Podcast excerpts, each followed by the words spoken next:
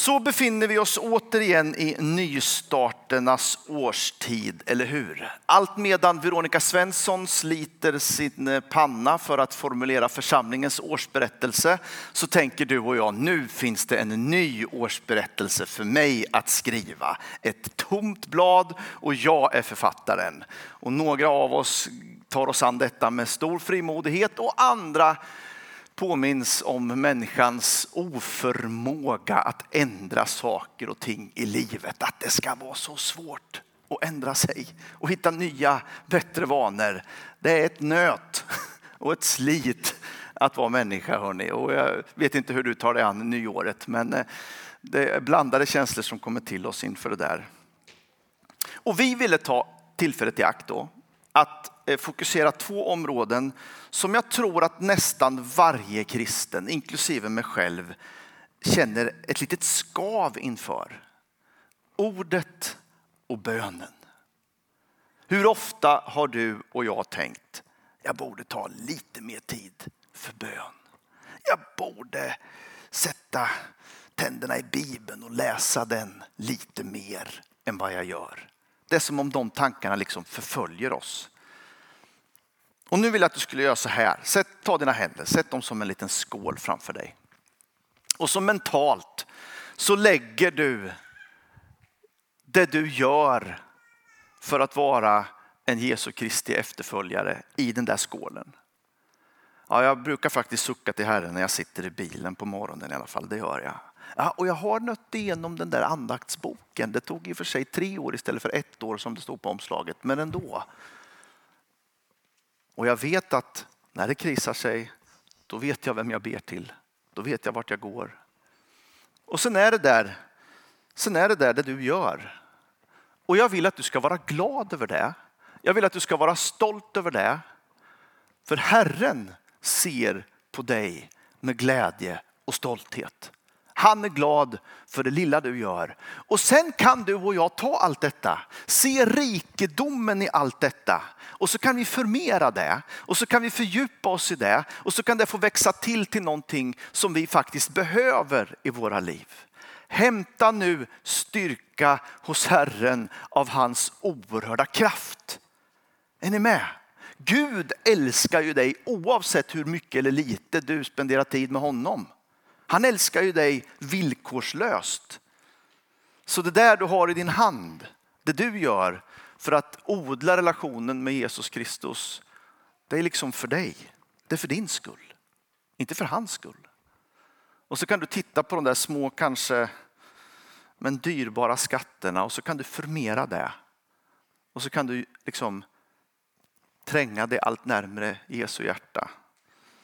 Och därför så vill vi ägna de här två första söndagarna, eller ja, det har ju varit en söndag som Winnie sa, men vi vill ägna den här tiden åt att prata om just ordet och bönen. Ehm, om jag ska försöka beskriva Bibeln så räcker inte riktigt orden till faktiskt. Vi har i vanlig ordning när ett nytt år närmar sig tagit oss an en ny andaktsbok där hemma. Ehm, och i år är det Thomas Sjödin. Jag tror många av er har eh, önskat i den boken eller vill läsa den boken eh, när han ur The Message, då en annan översättning av Bibeln, plockar små stycken och så delar han sina tankar. Och I inledningen till den boken så använder han ett uttryck som, som jag också har använt ibland. När han säger att inför bibelordet så drabbas vi ibland av själens svindel. Alltså det bara... Oh och jag har några sådana där tillfällen i mitt liv när jag har varit tillsammans med människor som har bett och läst och funderat och delat tankar med mig när jag känner liksom att marken försvinner i det här rummet. Vi står inför så stora, viktiga, verkliga saker. Bibelordet öppnar upp sådana dimensioner så att själen får liksom svindel. Jag tycker att det är en fantastiskt fin beskrivning av vad den där boken är. Det är en berättelse om mänskligheten, om det bitterljuva i att vara människa. Den bearbetar alla aspekter på mänskligt liv. Glädje, kärlek, njutning, ansvar, vår samhörighet med allt och alla, konsekvenserna av våra livsval, alla frestelser som en människa kan tänkas utsättas för, makt, rikedom, mänskliga drifter. Allt det att vara människa bearbetar Bibeln. Och det är så fantastiskt att märka att vara människa är inte så olikt någon som för 2000 eller 3000 år sedan upplevde saker och ting med vad vi upplever idag. Det är något tidlöst i att vara människa och Bibeln påminner oss om det. Men det är också samtidigt en berättelse om Gud, om Guds drivkrafter, om världens skapelse, om Guds tanke med den här världen. Guds plan med oss, Guds tanke med dig, hur Gud hanterar synden i världen och Guds slutgiltiga räddningsplan för dig och för mig och för hela universum. Vilken innehållsförteckning! Jag vet inte hur du läser en bok, men om den har en lite mer fackkaraktär eh, så brukar det finnas en innehållsförteckning och jag läser alltid den för att liksom skapa mig en litet hum om vad som finns i. Och Bibelns innehållsförteckning, den är fantastisk. Det är en berättelse om hur människa och Gud kan relatera till varandra. Om tempeltjänst, som institution, om den fria gudstillbedjan i naturen, om Guds dubbla uppenbarelse, det skrivna ordet och hans uppenbarelse i skapelsen, om möjlighet att i gudstjänsten och enskilt kunna erfara Gud. Allt det där står det om i Guds heliga skrift. Och nu begick jag ett kardinalfel den här predikan för jag glömde min bibel i, i, på kontoret. Jag skulle haft den och viftat lite med här nu. Va? Men jag har ju liksom allt jag behöver säga har jag nedskrivet här. Men jag känner att jag skulle haft en bibel att vifta med.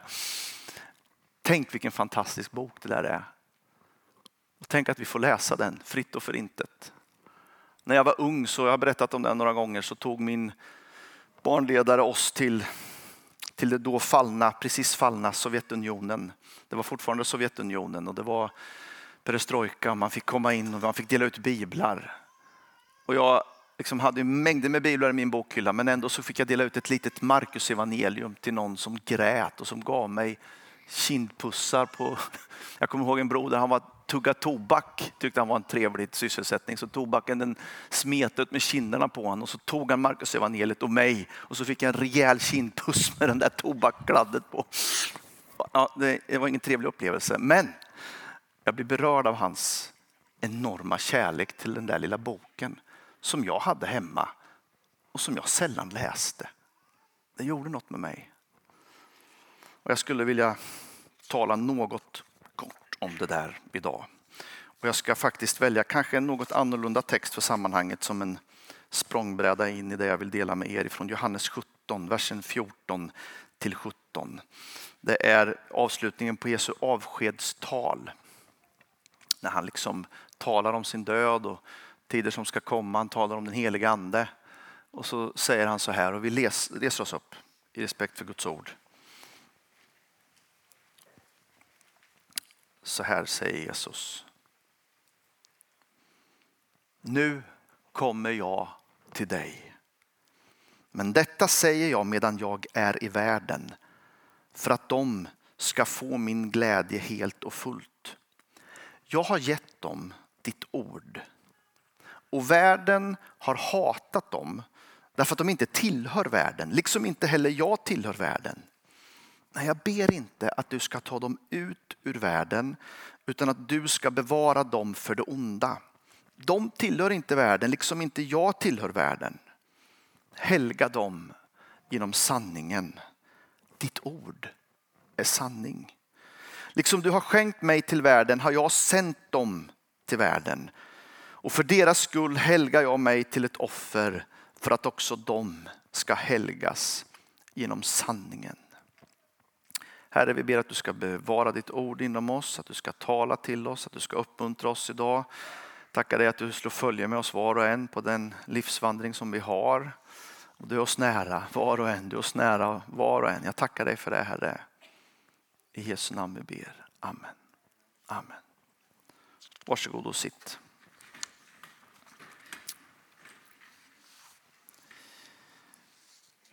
Jesu avskedstal. Det är en, eh, en, eh, ett tal. Du kan ju tänka dig själv, vad vill man säga till dem som man vet att man alldeles strax ska lämna? Hur ska det gå för er? Ni har ställt så mycket dumma frågor under de här tre åren. Har, har ni förstått någonting? Nu vilar hela Guds frälsningsplan på era axlar. käre Gud. Och så avslutar han alltihopa med en översteprästerlig förbön. Och det är fyllt av så mycket omtanke och så mycket kärlek och så mycket omsorg. Och så en blick mot framtiden. Det här är Jesu älskade lärjungar som han lämnar. Jag skulle vilja säga någonting först om Bibeln och sanningen. Helga dem genom sanningen. Ditt ord är sanning, säger Jesus i sin bön. Den 119 salmen, vers 159 160. Se hur jag älskar dina befallningar, Herre. Låt din kärlek skänka mig liv. Summan av ditt ord är sanning. Dina rättfärdiga lagar består för evigt. Vi lever ju i vetenskapen och upplysningens tid och dessvärre så har det smugit sig in en upplevd konflikt mellan bibel och vetenskap. Eh, Bibeln gör övernaturliga anspråk såklart. Den hanterar Gud, Guds existens.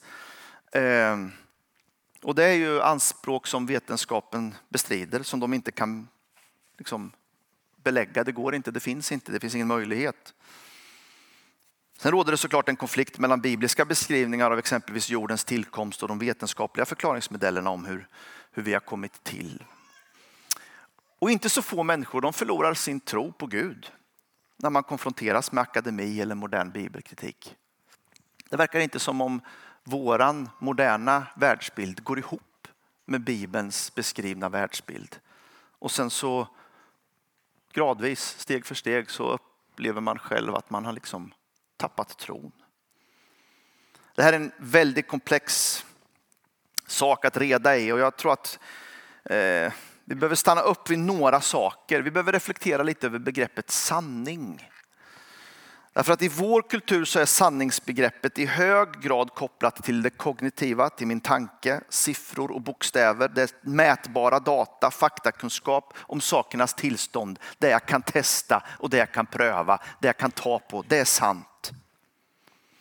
I den judiska kulturen som ja, där Bibeln är skriven i, i den kulturen så är sanningsbegreppet i mycket högre grad kopplat till erfarenheter och upplevelser. Inte på ett individuellt sätt att min sanning är liksom min sanning och din sanning är din sanning. Utan min upplevelse av saker och ting de bereds mycket större plats i mitt sökande efter sanningen. Sanningen är så att säga erfarenhetsbaserad.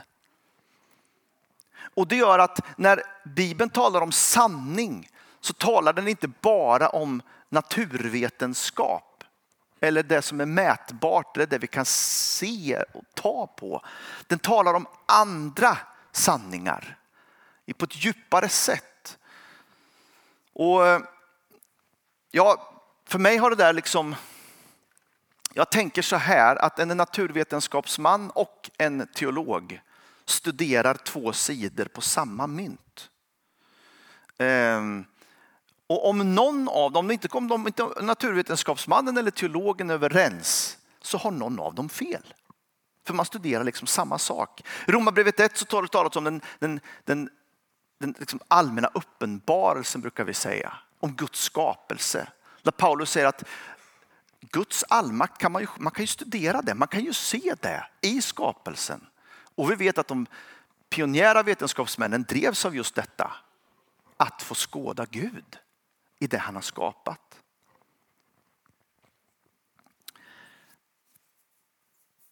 Bibeln gör anspråk på att tala sant om människan. Bibeln gör anspråk på att tala sant om Gud och människans relation till det gudomliga. Sen finns också en del beskrivningar av övernaturlig karaktär såklart. Och en del beskrivningar av exempelvis jordens uppkomst som i en första anblick verkar stå i bjärt kontrast mot modern naturvetenskap. Men när vi kommer till en sån där passage så måste vi våga ställa oss frågan vad är det Gud försöker säga till oss? Om den immateriella världen, om etik, om moral, om människans levnadsvillkor. Vad är det Gud egentligen försöker säga till oss? när han talar om att jag har skapat världen. Vad är det viktiga i det budskapet?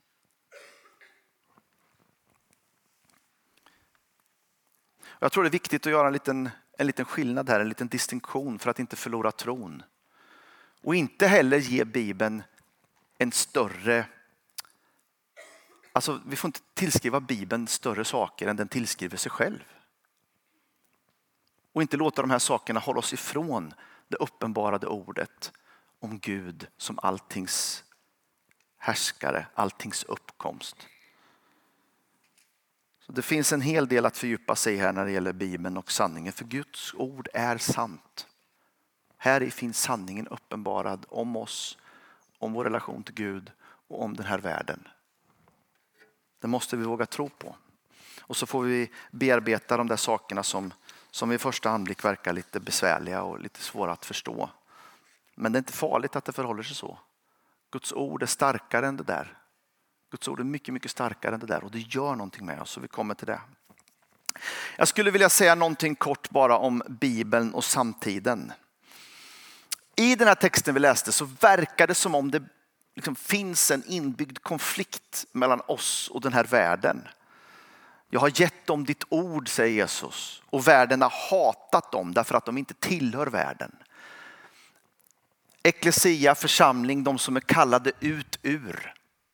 Men inte till isolering, inte till liksom, eh, ett, ett tillbakadragande, utan Jesus placerar oss mitt i världen och i den där dubbelheten måste vi leva.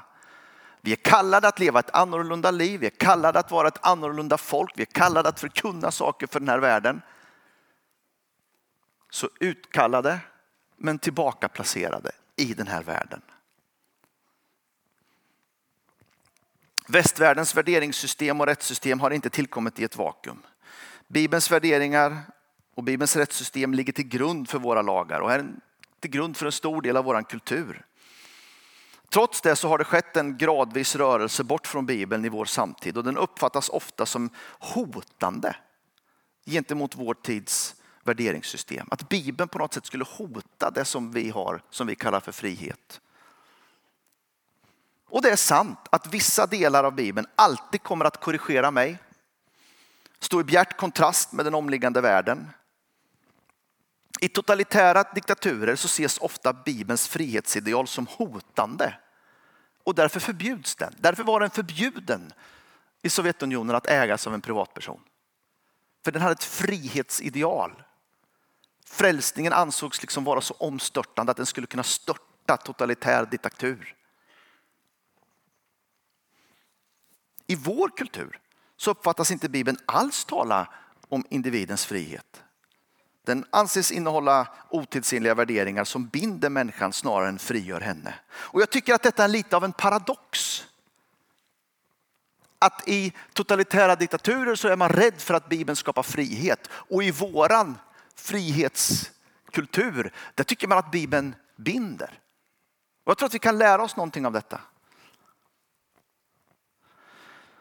I vår framtidsbild så har vi skrivit så här. Kärleken till Guds ord är påtaglig. Den är påtaglig. Man märker i en liten avlägsen framtid, när man kommer till vår kyrka så märker man att Guds ord står högt på agendan. Kärleken till den är stark. Vi läser Bibeln enskilt och gemensamt och vi erbjuder olika sätt att fördjupa förståelsen av Bibeln. Förkunnelsen är tidlöst och samtidigt nutidsaktuell. Vi predikar tro, hopp och frälsning och andedop samtidigt som vi i Bibeln söker svar på vår tids frågor och utmaningar. Jesusrörelsen har alltid mått bäst när den har varit en undergroundrörelse. Så fort kyrkan har tilldelat politisk makt så har det skett på bekostnad av andra viktigare saker. Därför är vår strävan efter ett förändrat samhälle inte en påtvingad politisk organisation utan en frivillig folkrörelse. Det är en väldigt stor skillnad. Från hjärta till hjärta där Guds värderingar får påverka mig, förvandla mig inifrån vad sa Jesus i Johannes, det vi läste alldeles nyss? Helga dem genom sanningen, ditt ord är sanningen. Den kristna rörelsen är som en helgelserörelse där vi förvandlas då vi umgås med ordet. Och på så sätt förvandlas världen inifrån och ut. Med början hos mig själv och vidare till min nästa. Du som har valt att engagera dig partipolitiskt, Gud välsigne dig i det du gör. Oavsett vilket parti du liksom företräder. Gud välsigne dig att vilja bygga ett samhälle som är bättre. Gud välsigne dig på riktigt. Men det kyrkan gör, det är någonting helt annat. Det ska vi inte blanda ihop. Det församlingen gör, det är samhällsomvändande, det är revolutionärt fast på ett annat sätt.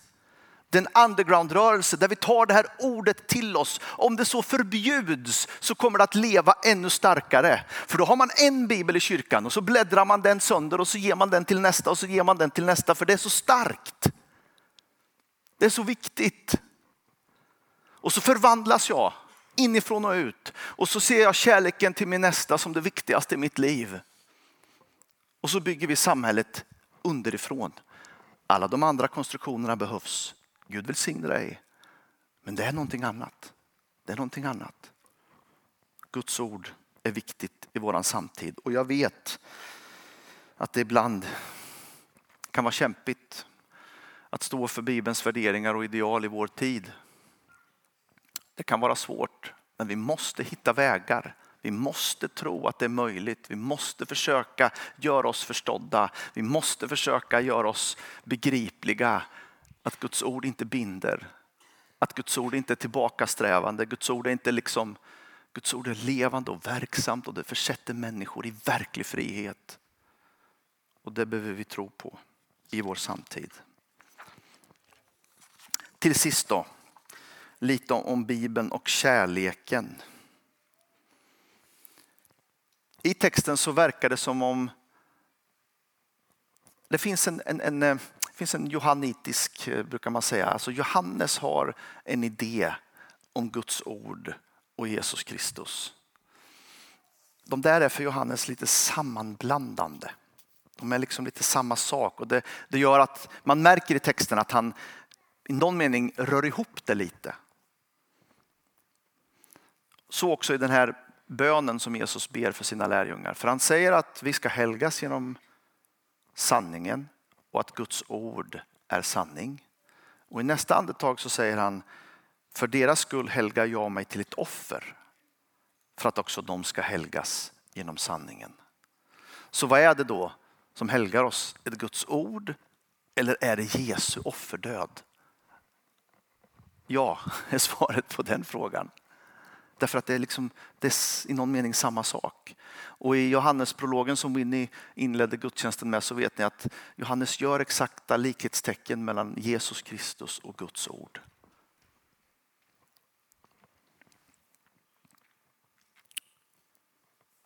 Tryggvi Mättinger som var docent i Gamla Testamentets exegetik här vid Lunds universitet.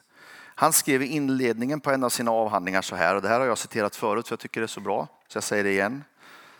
Han säger så här, jag vill tacka mina vänner i Svenska kyrkan som lärt mig förstå Bibeln. Jag vill också tacka mina vänner i pingströrelsen som lärt mig älska den. Det där kan ju vara lite, det kan man bli lite stött över om man nu försöker att förstå Bibeln också. Men det finns någonting som Tryggve har detekterat i, sin, i sitt umgänge med, med frikyrkans folk. Det finns en kärlek till Guds ord som på något sätt överstiger kunskapen om Guds ord. Jag vill inte förringa kunskapen om Guds ord på något sätt, men det finns en nyckel här. Och Daniel Alm som är vår föreståndare nu i, i vårt samfund, han utmanar oss i sin bok Tungotal, tänkande och tjänande, där han skriver att vi ska bli kända för att älska Bibeln mer än vår tolkning av den. Om Jesus Kristus är det uppenbarade ordet så uppstår en automatisk koppling mellan min kärlek till Kristus och min bibelläsning. Om du läser Bibeln mycket lite så kanske du blir lite sårad av ett sådant påstående. Men jag tänker att den insikten rymmer väldigt mycket hopp. Den rymmer väldigt mycket hopp. Vill du lära känna Kristus? Öppna din bibel. Vill du spendera tid med Jesus Kristus? Läs hans heliga ord.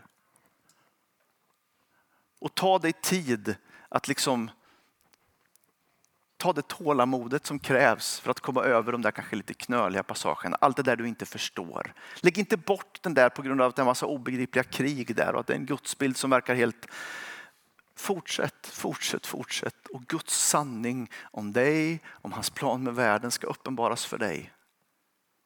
Och din kärlek till Kristus kommer att växa starkare. Och ibland är det tvärtom. Att Jesus möter dig med sin kärlek i uppenbarelsen, i gudstjänsten, i den enskilda bönen och du känner att jag bara måste läsa Bibeln. Därför att kärleken till Kristus är uppväckt. Och så måste du läsa ditt ord. Att läsa Bibeln är inte att läsa en roman eller en faktabok eller en instruktionsbok. Det är att utsätta sig för Guds förvandlande kärlek.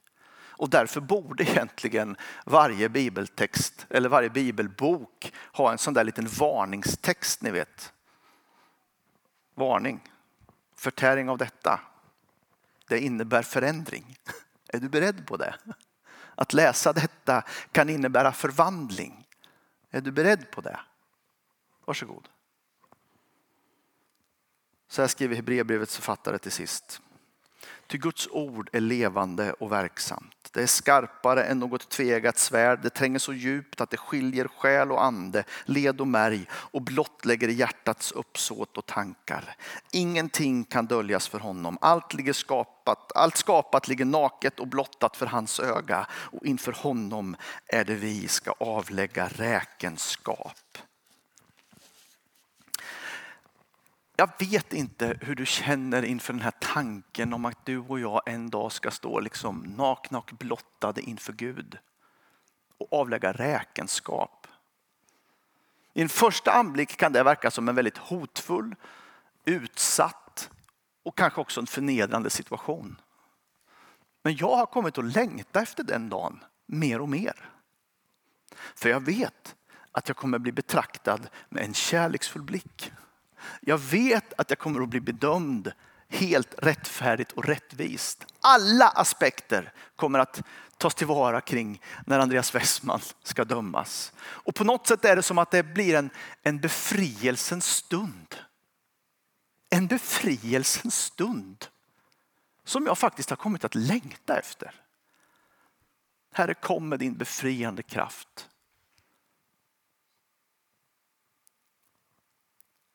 Och Guds ordet påbörjar den där processen i våra liv när vi läser det. Det liksom dissekerar oss. Det visar, nej, gör inte det valet. Gå den här vägen. Jag kommer snart. Var beredd. Läs. Låt det förvandlas. Det är levande och det är verksamt. Och därför önskar jag, vi ska ta så att säga faktadelen i Guds ord på allvar. Vi ska ta liksom det skrivna ordet på allvar. Vi ska ta de, de eh, naturvetenskapliga beskrivningarna på allvar. Vi ska liksom inte, vi ska inte väja för det, men det finns andra lager. Det finns djupare lager som är viktigare som är Guds syfte med det han har skrivit. Så låt oss inte fastna vid det där andra i allt för hög utsträckning. Utan låt oss upptäcka rikedomen i Guds ordet, dess förvandlande kraft. Jag är, ganska, jag är väldigt glad över att vi har dukat nattvardsbordet i den här kontexten. Vi bjuder aldrig in människor att tro på Bibeln. Så säger vi aldrig. Vi bjuder in människor att tro på Jesus. Och när jag tror på Jesus och vet att han älskar mig, då blir det liksom tolkningsmallen för bibelordet. Och så förstår jag det och så uppenbarar Gud saker och ting för mig i att umgås med Bibeln på ett annat sätt. På ett nytt sätt.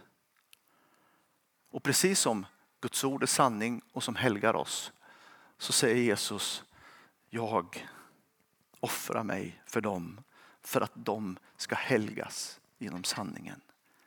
Så vi får ta emot Jesus Kristus på samma sätt som vi får ta emot hans ord. Och veta att det förvandlar oss, det förnyar oss och det förlåter oss vår synd. Inför honom ska vi stå. Och det kommer vara en skön, behaglig, ett emottagande av hans helighet. Den dagen blir en befrielsens dag. När jag har iklätt mig Kristus så har jag ingenting att frukta. Och vi kan börja det där avklädnadet redan nu genom att låta hans ord förvandla oss. steg för steg. Amen. Amen. Herre, jag tackar och lovar dig för ditt heliga ord. Jag tackar dig för alla bibelböcker som står i svenska hem, som kanske står i vårat hem med ryggen utåt. Läsesalen, biblar som kanske aldrig läses och biblar som kanske är utslitna. Herre, men jag ber att du ska göra ditt ord levande för oss. Att vi ska inse att vi i den boken hittar skatter och rikedomar som är långt mycket mer än vad vi kan förstå och begripa. Herre, jag ber att du ska öppna ordet för oss. Det är att du ska öppna upp för din sanning om oss, för din sanning om världen, för din sanning om sakernas tillstånd. Om din iver att, att möta oss, Herre Jesus Kristus. Jag tackar och lovar dig för att det håller. Jag tackar dig för att det håller i, i liksom hårda tider och det håller i goda tider. Tackar dig för våra vänner runt om i världen som inte får läsa din bibel öppet, som inte får försöka tolka och förstå och som samlas i, i eh, hemlighet och i, med fara för sin egna liv ändå öppnar bibelordet och låter sig förvandlas av det. Herre, hjälp oss att lära oss någonting av våra trossyskon. I Jesu namn vi ber. Amen, amen. Amen.